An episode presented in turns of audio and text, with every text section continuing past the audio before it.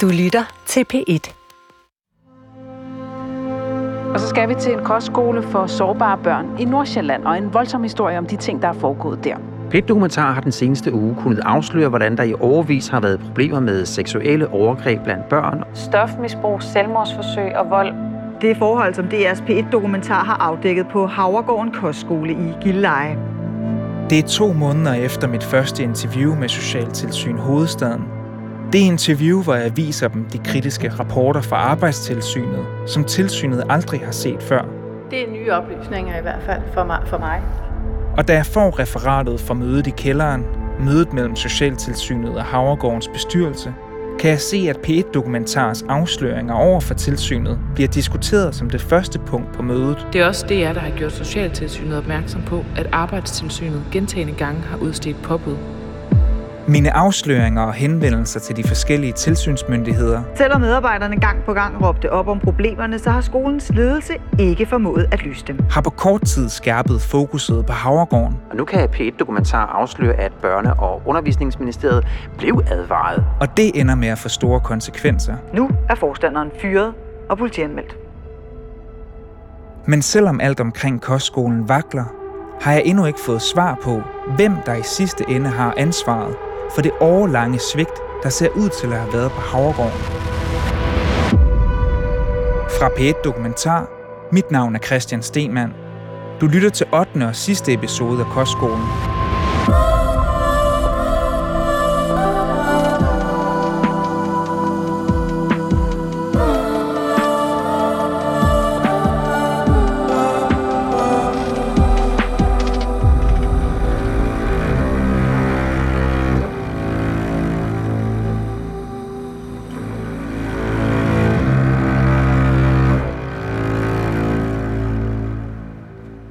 Det er et voldsomt møde.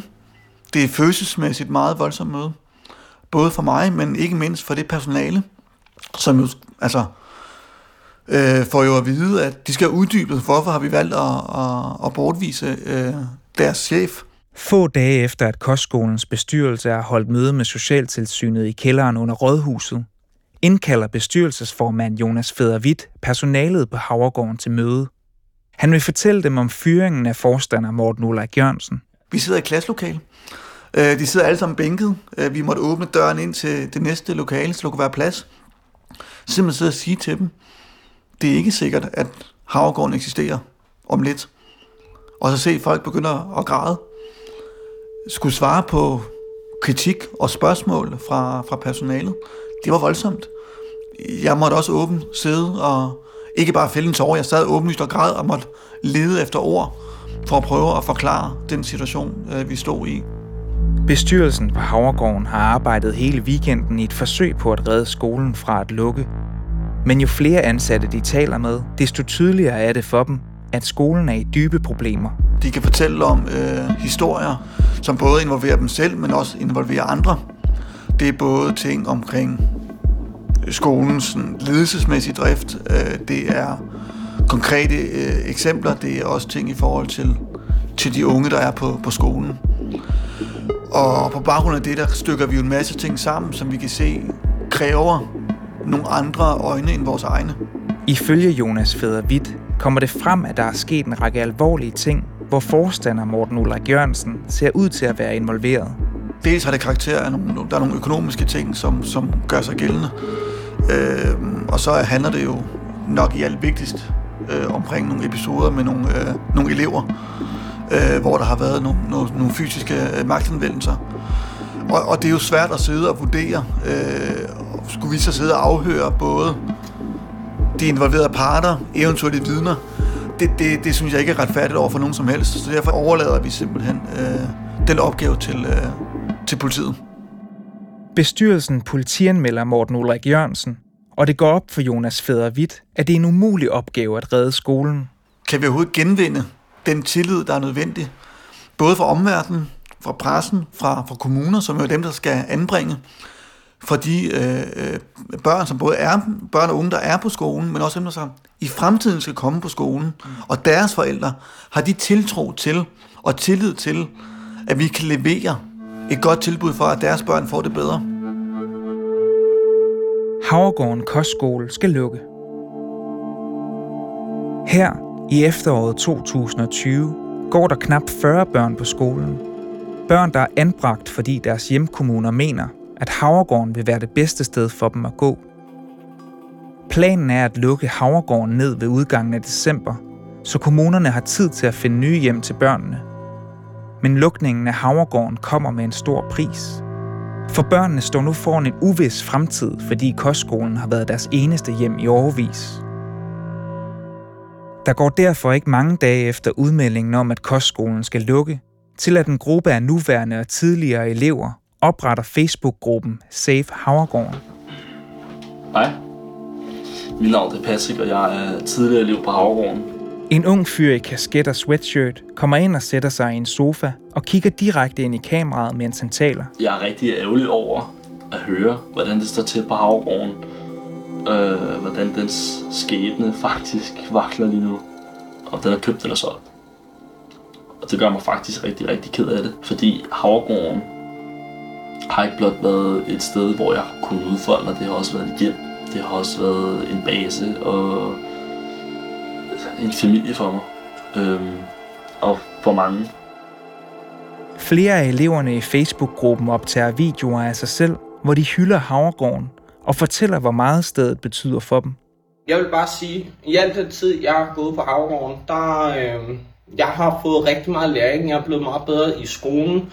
Jeg fik min 9. klasse, som jeg var bange for, at jeg faktisk ikke ville få, på grund af, at jeg var rigtig dårlig i skolen. Uden Havregården, så er jeg ikke noget der, hvor jeg er nu. Vi er en masse elever fra Havregården, øh, der gerne vil øh, fjerne det billede, der er blevet dannet af, at det kun har været dårligt. For det har det ikke. Det har ikke kun været dårligt. Øh, ja, der har foregået nogle, nogle rigtig, rigtig groteske ting, som der måske ikke har været blevet taget hånd om. Men samtidig vil vi, er vi et par stykker, der gerne vil give et blik indenfra. At det ikke kun har været noget, været noget dårligt, men at det også har været godt. At det også har været et sted med masser af kærlighed. Været et sted, hvor man har følt sig hjemme. Mange tidligere elever giver i gruppen udtryk for, hvordan Havregården har ændret deres liv til det bedre. Men jeg kan også se, at forstander Morten Ulrik Jørgensen også herinde bliver kritiseret. Jeg synes ikke, Havregården skal lukkes. Jeg ved godt, at Morten Ulrik Jørgensen har lavet nogle ting, som er beskidt, og som ikke er i orden. Han er blevet fyret, og det synes jeg er perfekt. Men jeg synes, Havregården skal, altså, de skal have en mulighed for at kunne få en chance. Men Havregården får aldrig en chance til. Referatet fra mødet mellem Socialtilsynet og Havregårdens bestyrelse på Rådhuset giver noget af svaret på, hvorfor det er svært at redde skolen. Manglende oplysningspligt i forbindelse med seksuelle overgreb og krænkelser. Manglende håndtering af overgreb. Forkert målgruppe af unge. Det seks sider lange referat er en lang opsummerende kritik af skolen, og ikke mindst Morten Ulrik Jørgensen. Manglende seksualplan. Uprofessionel håndtering af mobning og digitale krænkelser. Massivt fravær op mod 50 procent. Forbrug af alkohol og euforiserende stoffer. Og referatet fortsætter og fortsætter. Så da nyhederne om Havregården og den nu fyrede forstander udkommer i oktober 2020, laver jeg et interview med Morten Ulrik Jørgensen. Her er han uenig i meget af den kritik, der bliver rejst. Jeg spørger blandt andet ind til skolens håndtering af nogle af de seksuelle overgreb og krænkelser mellem skolens elever, der er sket på kostskolen inden for de seneste år. Jamen, det er ingen hemmelighed, at, øh, at, at vi havde haft et par episoder her efter sommerferien, øh, hvor vi havde sat nogle procedurer i gang, som, som vi ikke har været dygtige nok til, til at følge. Øh, jeg har ikke selv været nede i de enkelte sager. Øh, det har jeg haft afdelingsledere til, men, men, men det er selvfølgelig mit øh, ansvar. Det frelægger mig selvfølgelig ikke. Hvorfor er I blevet ved med at optage den her slags børn, når I ikke har haft kompetencerne til at tage hånd om dem? Jeg vil ikke sige, at vi ikke har haft kompetencerne til det. det. Det er jo klart, det er jo en stående pædagogisk diskussion, om man indimellem får, får børn ind i huset, som, som, som vi ikke kan formå at hjælpe. Øh, så, så, øh, og, og, og jeg må sige, at jeg har jo en... en men, men medarbejderne jeg, siger jo gentagende gange, at I ikke har kompetencerne. Hvorfor har du ikke sagt nej? Hvorfor har du ikke stoppet det her? Hvorfor har du ikke bare taget de børn ind, som I øh, kunne tage hånd om? det mener jeg også, vi har gjort. Øh, man kan selvfølgelig godt øh, finde eksempler på, at visitationen, altså jeg har selvfølgelig det øverste ansvar. Nu har jeg ikke siddet øh, direkte med i visitationsudvalget, men, men, men jeg frelægger mig jo selvfølgelig det øverste ansvar for det. Men, men, men, men, men jeg vil jo påstå, at, at vi almindeligvis jo ikke tager børn, end vi ikke kan håndtere. Selvfølgelig gør vi ikke det. Jeg spørger også forstanderen, hvorfor Socialtilsynet ikke er blevet orienteret om de seksuelle overgreb i 2019. Her kalder han det for en fejl. Det er jo uddelegeret til andre medarbejdere at gøre det her, men, men jeg frelægger mig ikke det øverste ansvar. Det lyder lidt sådan, når du siger det der. Nej, nej, nej, nej, fordi det er da klart, at jeg har det øverste ansvar for, at det bliver gjort. Jeg spørger også ind til den manglende seksualplan på skolen, som ifølge flere medarbejdere ikke er blevet lavet færdig. Jeg må så desværre konstatere, at der har været nogle svigt i, i ledelsen i forhold til at få fuldt op på, at de planer er blevet fuldt til punkt og prikke i sidste runde her. Det må jeg desværre konstatere i min ledelsesgruppe. Det er et ledelsessvigt, der er sket. Det er ikke mig, der har fingre i sagerne, men jeg har selvfølgelig det øverste ansvar. Og da jeg spørger, om han som forstander har været sit ansvar voksen, siger han følgende. Jeg synes jo selv, at, at, at, at, at jeg igennem årene har lavet et fantastisk øh, stykke arbejde for Havregården. Det, det vil jeg til enhver tid påstå. Vi har udviklet den her skole, ikke mig alene, men med en, en flok dygtige medarbejdere. Har du svigtet de her børn på Havregården? Nej, det mener jeg ikke. Jeg spurgte jeg din mener, bestyrelsesformand om det samme, og han sagde ja. Hvad tænker du om det? Jamen det er da selvfølgelig utrolig ked af, han siger. Jeg synes jo, jeg har hjulpet fantastisk mange børn på Havregården igennem tiden. Altså han sagde, at han selv har svigtet de her børn? Han havde svigtet dem. Han går ind og siger, at han personligt også føler, at han har svigtet de her børn. Jamen altså, det kan, det kan, det, det kan jeg ikke kommentere på. Jeg, jeg kan bare sige, at jeg synes, vi har hjulpet rigtig mange børn på Havregården gennem tid. Og det, og det står jeg på mål for. I dagene omkring lukningen af Havregården udtaler forstanderen sig også i en række andre medier. Og især et svar bider jeg mærke i. I et interview, som journalisten Asger Jul laver på netmediet Den Uafhængige, opstår der halvvejs inde i interviewet en interessant udveksling mellem ham og Morten Ulrik Jørgensen. Snakken falder på de seksuelle overgreb og manglende politianmeldelser. Har du undladt at melde ting til politiet, som du egentlig havde en, sådan en vurdering af, var ulovligt? Seksuelle overgreb for eksempel, så det, alle de her overgrebs ja, nu for eksempel det der omkring de her, den her billeddeling. Øh, det, det, det, der har været ting, der er meldt til politiet omkring billeddeling for eksempel også. Øh, så har vi også nogle men, gange... Men mit spørgsmål er, er der episoder, som du egentlig vurderer er i strid med loven, som du har undladt at melde til politiet? Det, øh, det kunne jeg godt tænke, der har været, ja. Jeg kan ikke lige komme i, kontakt, komme, komme i tanker om en, en, en enkelt episode, men, men som sagt, så, så skal man jo huske, at det her jo altid foregår i en dialog med den anbringende kommune.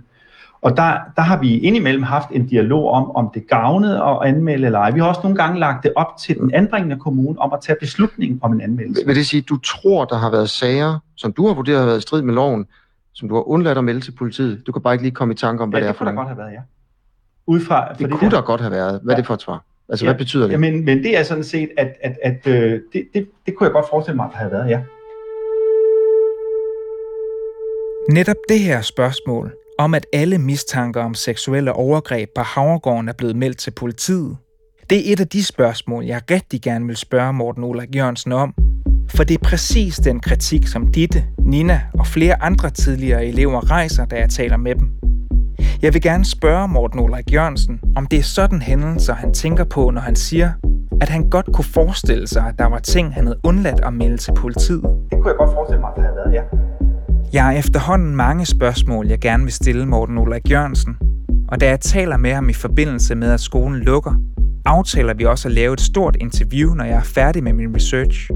Det er heller ikke nogen hemmelighed, Morten, at jeg vil jo meget gerne have lavet altså et, et, hvad kan man sige, et, måske et, et større interview med dig også op på Havregård. Ja, fordi at Havregården er jo et, et meget særligt sted, som jeg også sagde til dig, og som, som, som jeg jo har rigtig meget lyst til at fortælle om. Men på et eller andet tidspunkt, hvis du gider ja. har lyst, ja. vil jeg rigtig, rigtig gerne. Øh, jeg, jeg tror, jeg kan fortælle dig noget, der kunne blive til nogle meget spændende historier. Men det interview får jeg aldrig muligheden for at lave.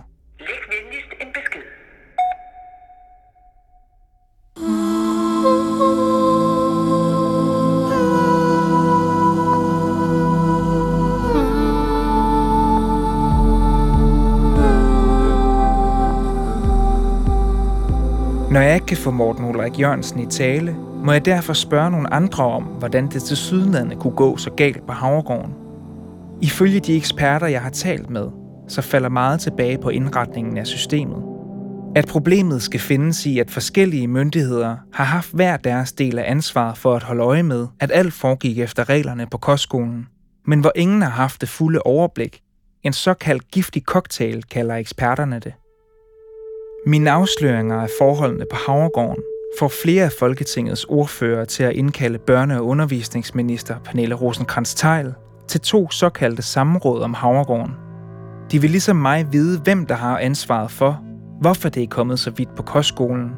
Og i de her samråd er børnenes minister meget skarp i sin kritik af sit eget embedsværk. Der bliver spurgt til, om jeg er tilfreds med samarbejdet mellem øh, de forskellige tilsyn, og der er svaret bare nej, det er jeg ikke. Øh, så bare for at sige, det kan jeg sådan set svare øh, meget klart øh, på, øh, og i enstavelsesord.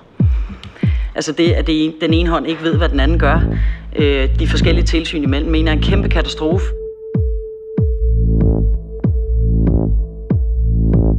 En katastrofe, siger ministeren.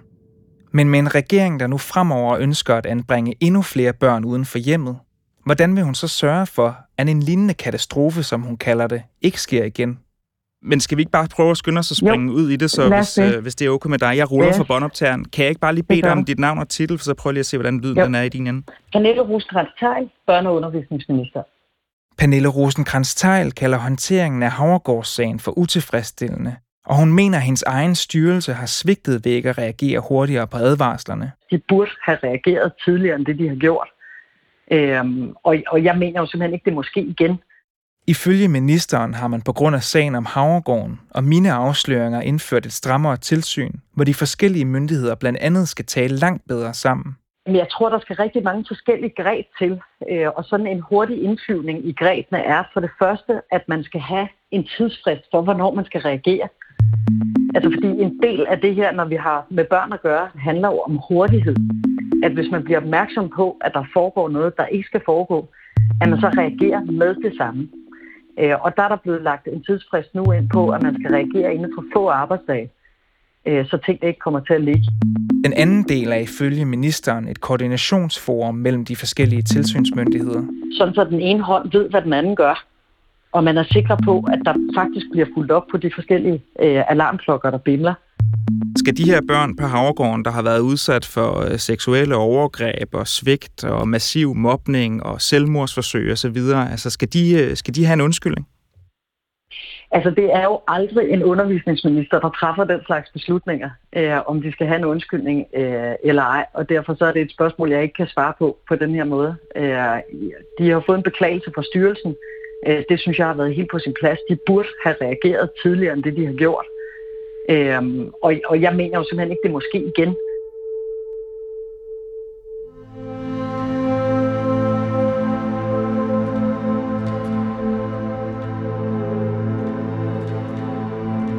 I starten af december 2020, lidt over en måned efter at bestyrelsen har annonceret, at Havregården lukker, sker der en sidste episode på kostskolen i Nordsjælland. Jeg bliver ringet op en, øh, en formiddag, jeg sidder midt i et møde, om at øh, nu, står, øh, nu står Morten op på skolen. Jeg siger, hvad gør han? Jamen, han er ved at hente alle sine ting. Selvom bestyrelsesformand Jonas Feder Witt har forment den bortviste forstander adgang til kostskolen, efter han er blevet fyret, så dukker Morten Ulrik Jørgensen pludselig op. Ifølge Jonas Feder Witt vil den tidligere forstander have sin ting på kontoret. Og så sagde vi til ham, at det er fint, vi vil simpelthen ikke have, at du kommer op på skolen. Forløbet, så længe der er børn til stede. Fordi de vil jo føle, at at, at det er så voldsomt, at den bortviste forstander lige pludselig står der. Altså det vil kræve en, en pædagogisk indsats, så det vil vi gerne forebygge ikke skete. Så det fik han at vide, du kommer ikke til at, at, at være deroppe. Men det vælger Morten Ulrik Jørgensen altså ikke at følge, og han går derfor i gang med at tømme sit kontor. Som jo er en voldsom oplevelse, fordi han kommer og ham og, og flere andre øh, og vil have sine ting og kommer ind, bliver låst ind på sit kontor og begynder at tage tingene med hjem og, og så videre. Morten Ulrik Jørgensen afviser over for lokale medier, at der var tale om et indbrud, og at han blot har hentet sine personlige ting. Jeg kan i hvert fald konkludere, at vi ikke har fået det hele endnu, fordi vi har et billede af kontoret fra før han var der. Øh, og når du sammenligner det, sammenholder det med det, der er kommet tilbage, så er der stadig ting, der mangler. Og det er igen nogle personale-relaterede ting, øh, aftaler øh, med samarbejdspartnere øh, og sådan forskellige ting. Og det må politiet jo på en eller anden måde. De har været for at vide. Vi har været dokumenteret over for dem, hvad det er for nogle ting, der, der mangler. Bestyrelsen ender altså i sidste ende med at politianmelde forstanderen for at komme på skolen, selvom han er bortvist. De anmelder ham for økonomiske forhold, og så bliver han anmeldt for at have brugt fysisk magtanvendelse over for børn på Havregården. Politiet er lige nu i gang med at efterforske sagen og afhøre vidner, men de siger til mig, at de endnu ikke har taget stilling til, om der skal rejse sigtelse mod forstanderen eller ej.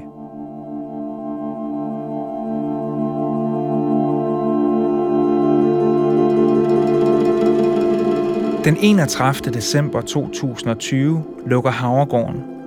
Medarbejderne er blevet opsagt, og de børn, der ikke allerede har forladt skolen, bliver sendt videre ud i landet. På nettet kan man se, at Havregården nu er sat til salg, og på boligannoncen ligger der salgsbilleder fra hele skolen. Fra køkkenet, gymnastiksalen, værelserne, opholdsstuerne. Der er julepynt over det hele, der står mad i køkkenet, og der står en flaske håndsprit på stort set alle billeder. Det ligner, at eleverne lige har rejst sig fra deres stole og har forladt stedet fra det ene øjeblik til det andet.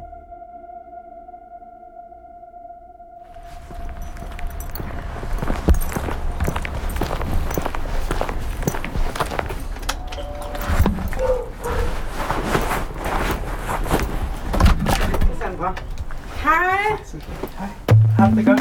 Ja, sådan her. Jeg har altså ikke maske på, er det okay? Nej, du behøver sgu ikke maske her. Tak fordi du må komme. Det er februar 2021.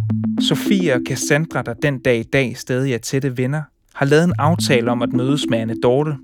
Anne Dorte, som de ikke har set siden de fandt hende på hendes værelse, efter hun havde skåret i sig selv meget voldsomt. Jeg har mødt de tre uafhængigt af hinanden det seneste år, men hver især har de fortalt mig, at de har brug for afklaring på, hvad der skete den forårsaften for snart seks år siden. De har brug for at tale ud om de ting, der er sket på Havregården. Unfinished business, som Cassandra siger. Jeg synes, det er lidt skørt. Ja. Der er sket så meget. Ja. Altså, jeg føler, at sådan, når, vi kig, når jeg kigger tilbage på os dengang, så var vi bare små piger, ikke? Og nu sidder man Ja. her og... Altså, vi var jo børn dengang. Jamen, det er det, det. Det er Cassandra, Sofie og Anne Dortes egen plan at mødes. Og de har inviteret mig med, fordi de mener, at jeg er årsagen til, at de nu snakker sammen. Jeg sidder i begyndelsen som en flue på væggen, da de ser hinanden for første gang i seks år. Og stemningen er til at starte med nervøs. Men efterhånden glider snakken, og jeg frister mig til at stille et spørgsmål. Altså, hvordan er det at se hinanden lige Det pludselig? var jo overvældende efter Ja. så mange år, Ja. og da jeg stod på Powergården, så tænkte jeg, okay, det her det er et lukket kapitel i Ja. mit liv, og altså nu havde Anne Dorte og jeg ikke et særligt tæt venskab på Havregården, så jeg havde aldrig regnet med at se dig igen. Nej. Og så sidder vi her i, ved siden af hinanden nu og snakker om, om alt, der er foregået. Og jeg tror også, at det er lidt sådan for mig, er, at det også kan lukke det kapitel og se, at du er okay. Fordi det den sidste billede, jeg har af dig, det er fra den aften. Det er sådan, jeg kan huske det, ikke? Så det har været rart at se, at du har det godt. Det ved jeg, jeg, jeg har følt mig ret egoistisk i den måde, men jeg ved godt, det har påvirket folk. Og at jeg føler, at det ligesom... Nu hvor at det her med havregården blev taget op, så var det kun på sin plads, som skulle ligesom se dem i øjnene, der også har været udsat for de ting, jeg har gjort, og ligesom måtte leve med, med mine sådan, ja, det ved ikke, handlinger som konsekvens, eller konsekvensen af mine handlinger. Har du følt dig, altså bare ærligt spørgsmål, tror, tror du, du har følt dig sådan ansvarlig for, at, at vi havde det dårligt over episoden, eller hvad? Mere skyldfølelse. Ja, Jeg føler rigtig meget skyldfølelse. Den skyldfølelse skal du overhovedet ikke have, fordi det er overhovedet ikke dit ansvar. Det er pædagogernes ansvar, det er skolens ansvar, det var Mortens ansvar. Det kan aldrig blive dit ansvar Nej. at, at, at sørge for, at sådan Du noget ikke barn, sker. ikke? Ja, Og øh, de, deres job, det skal er... have noget, den rigtige Ja. ja. støtte og hjælp og omsorg, som, som du har brug for. Øh, lige så vel skulle vi andre. Kostskolen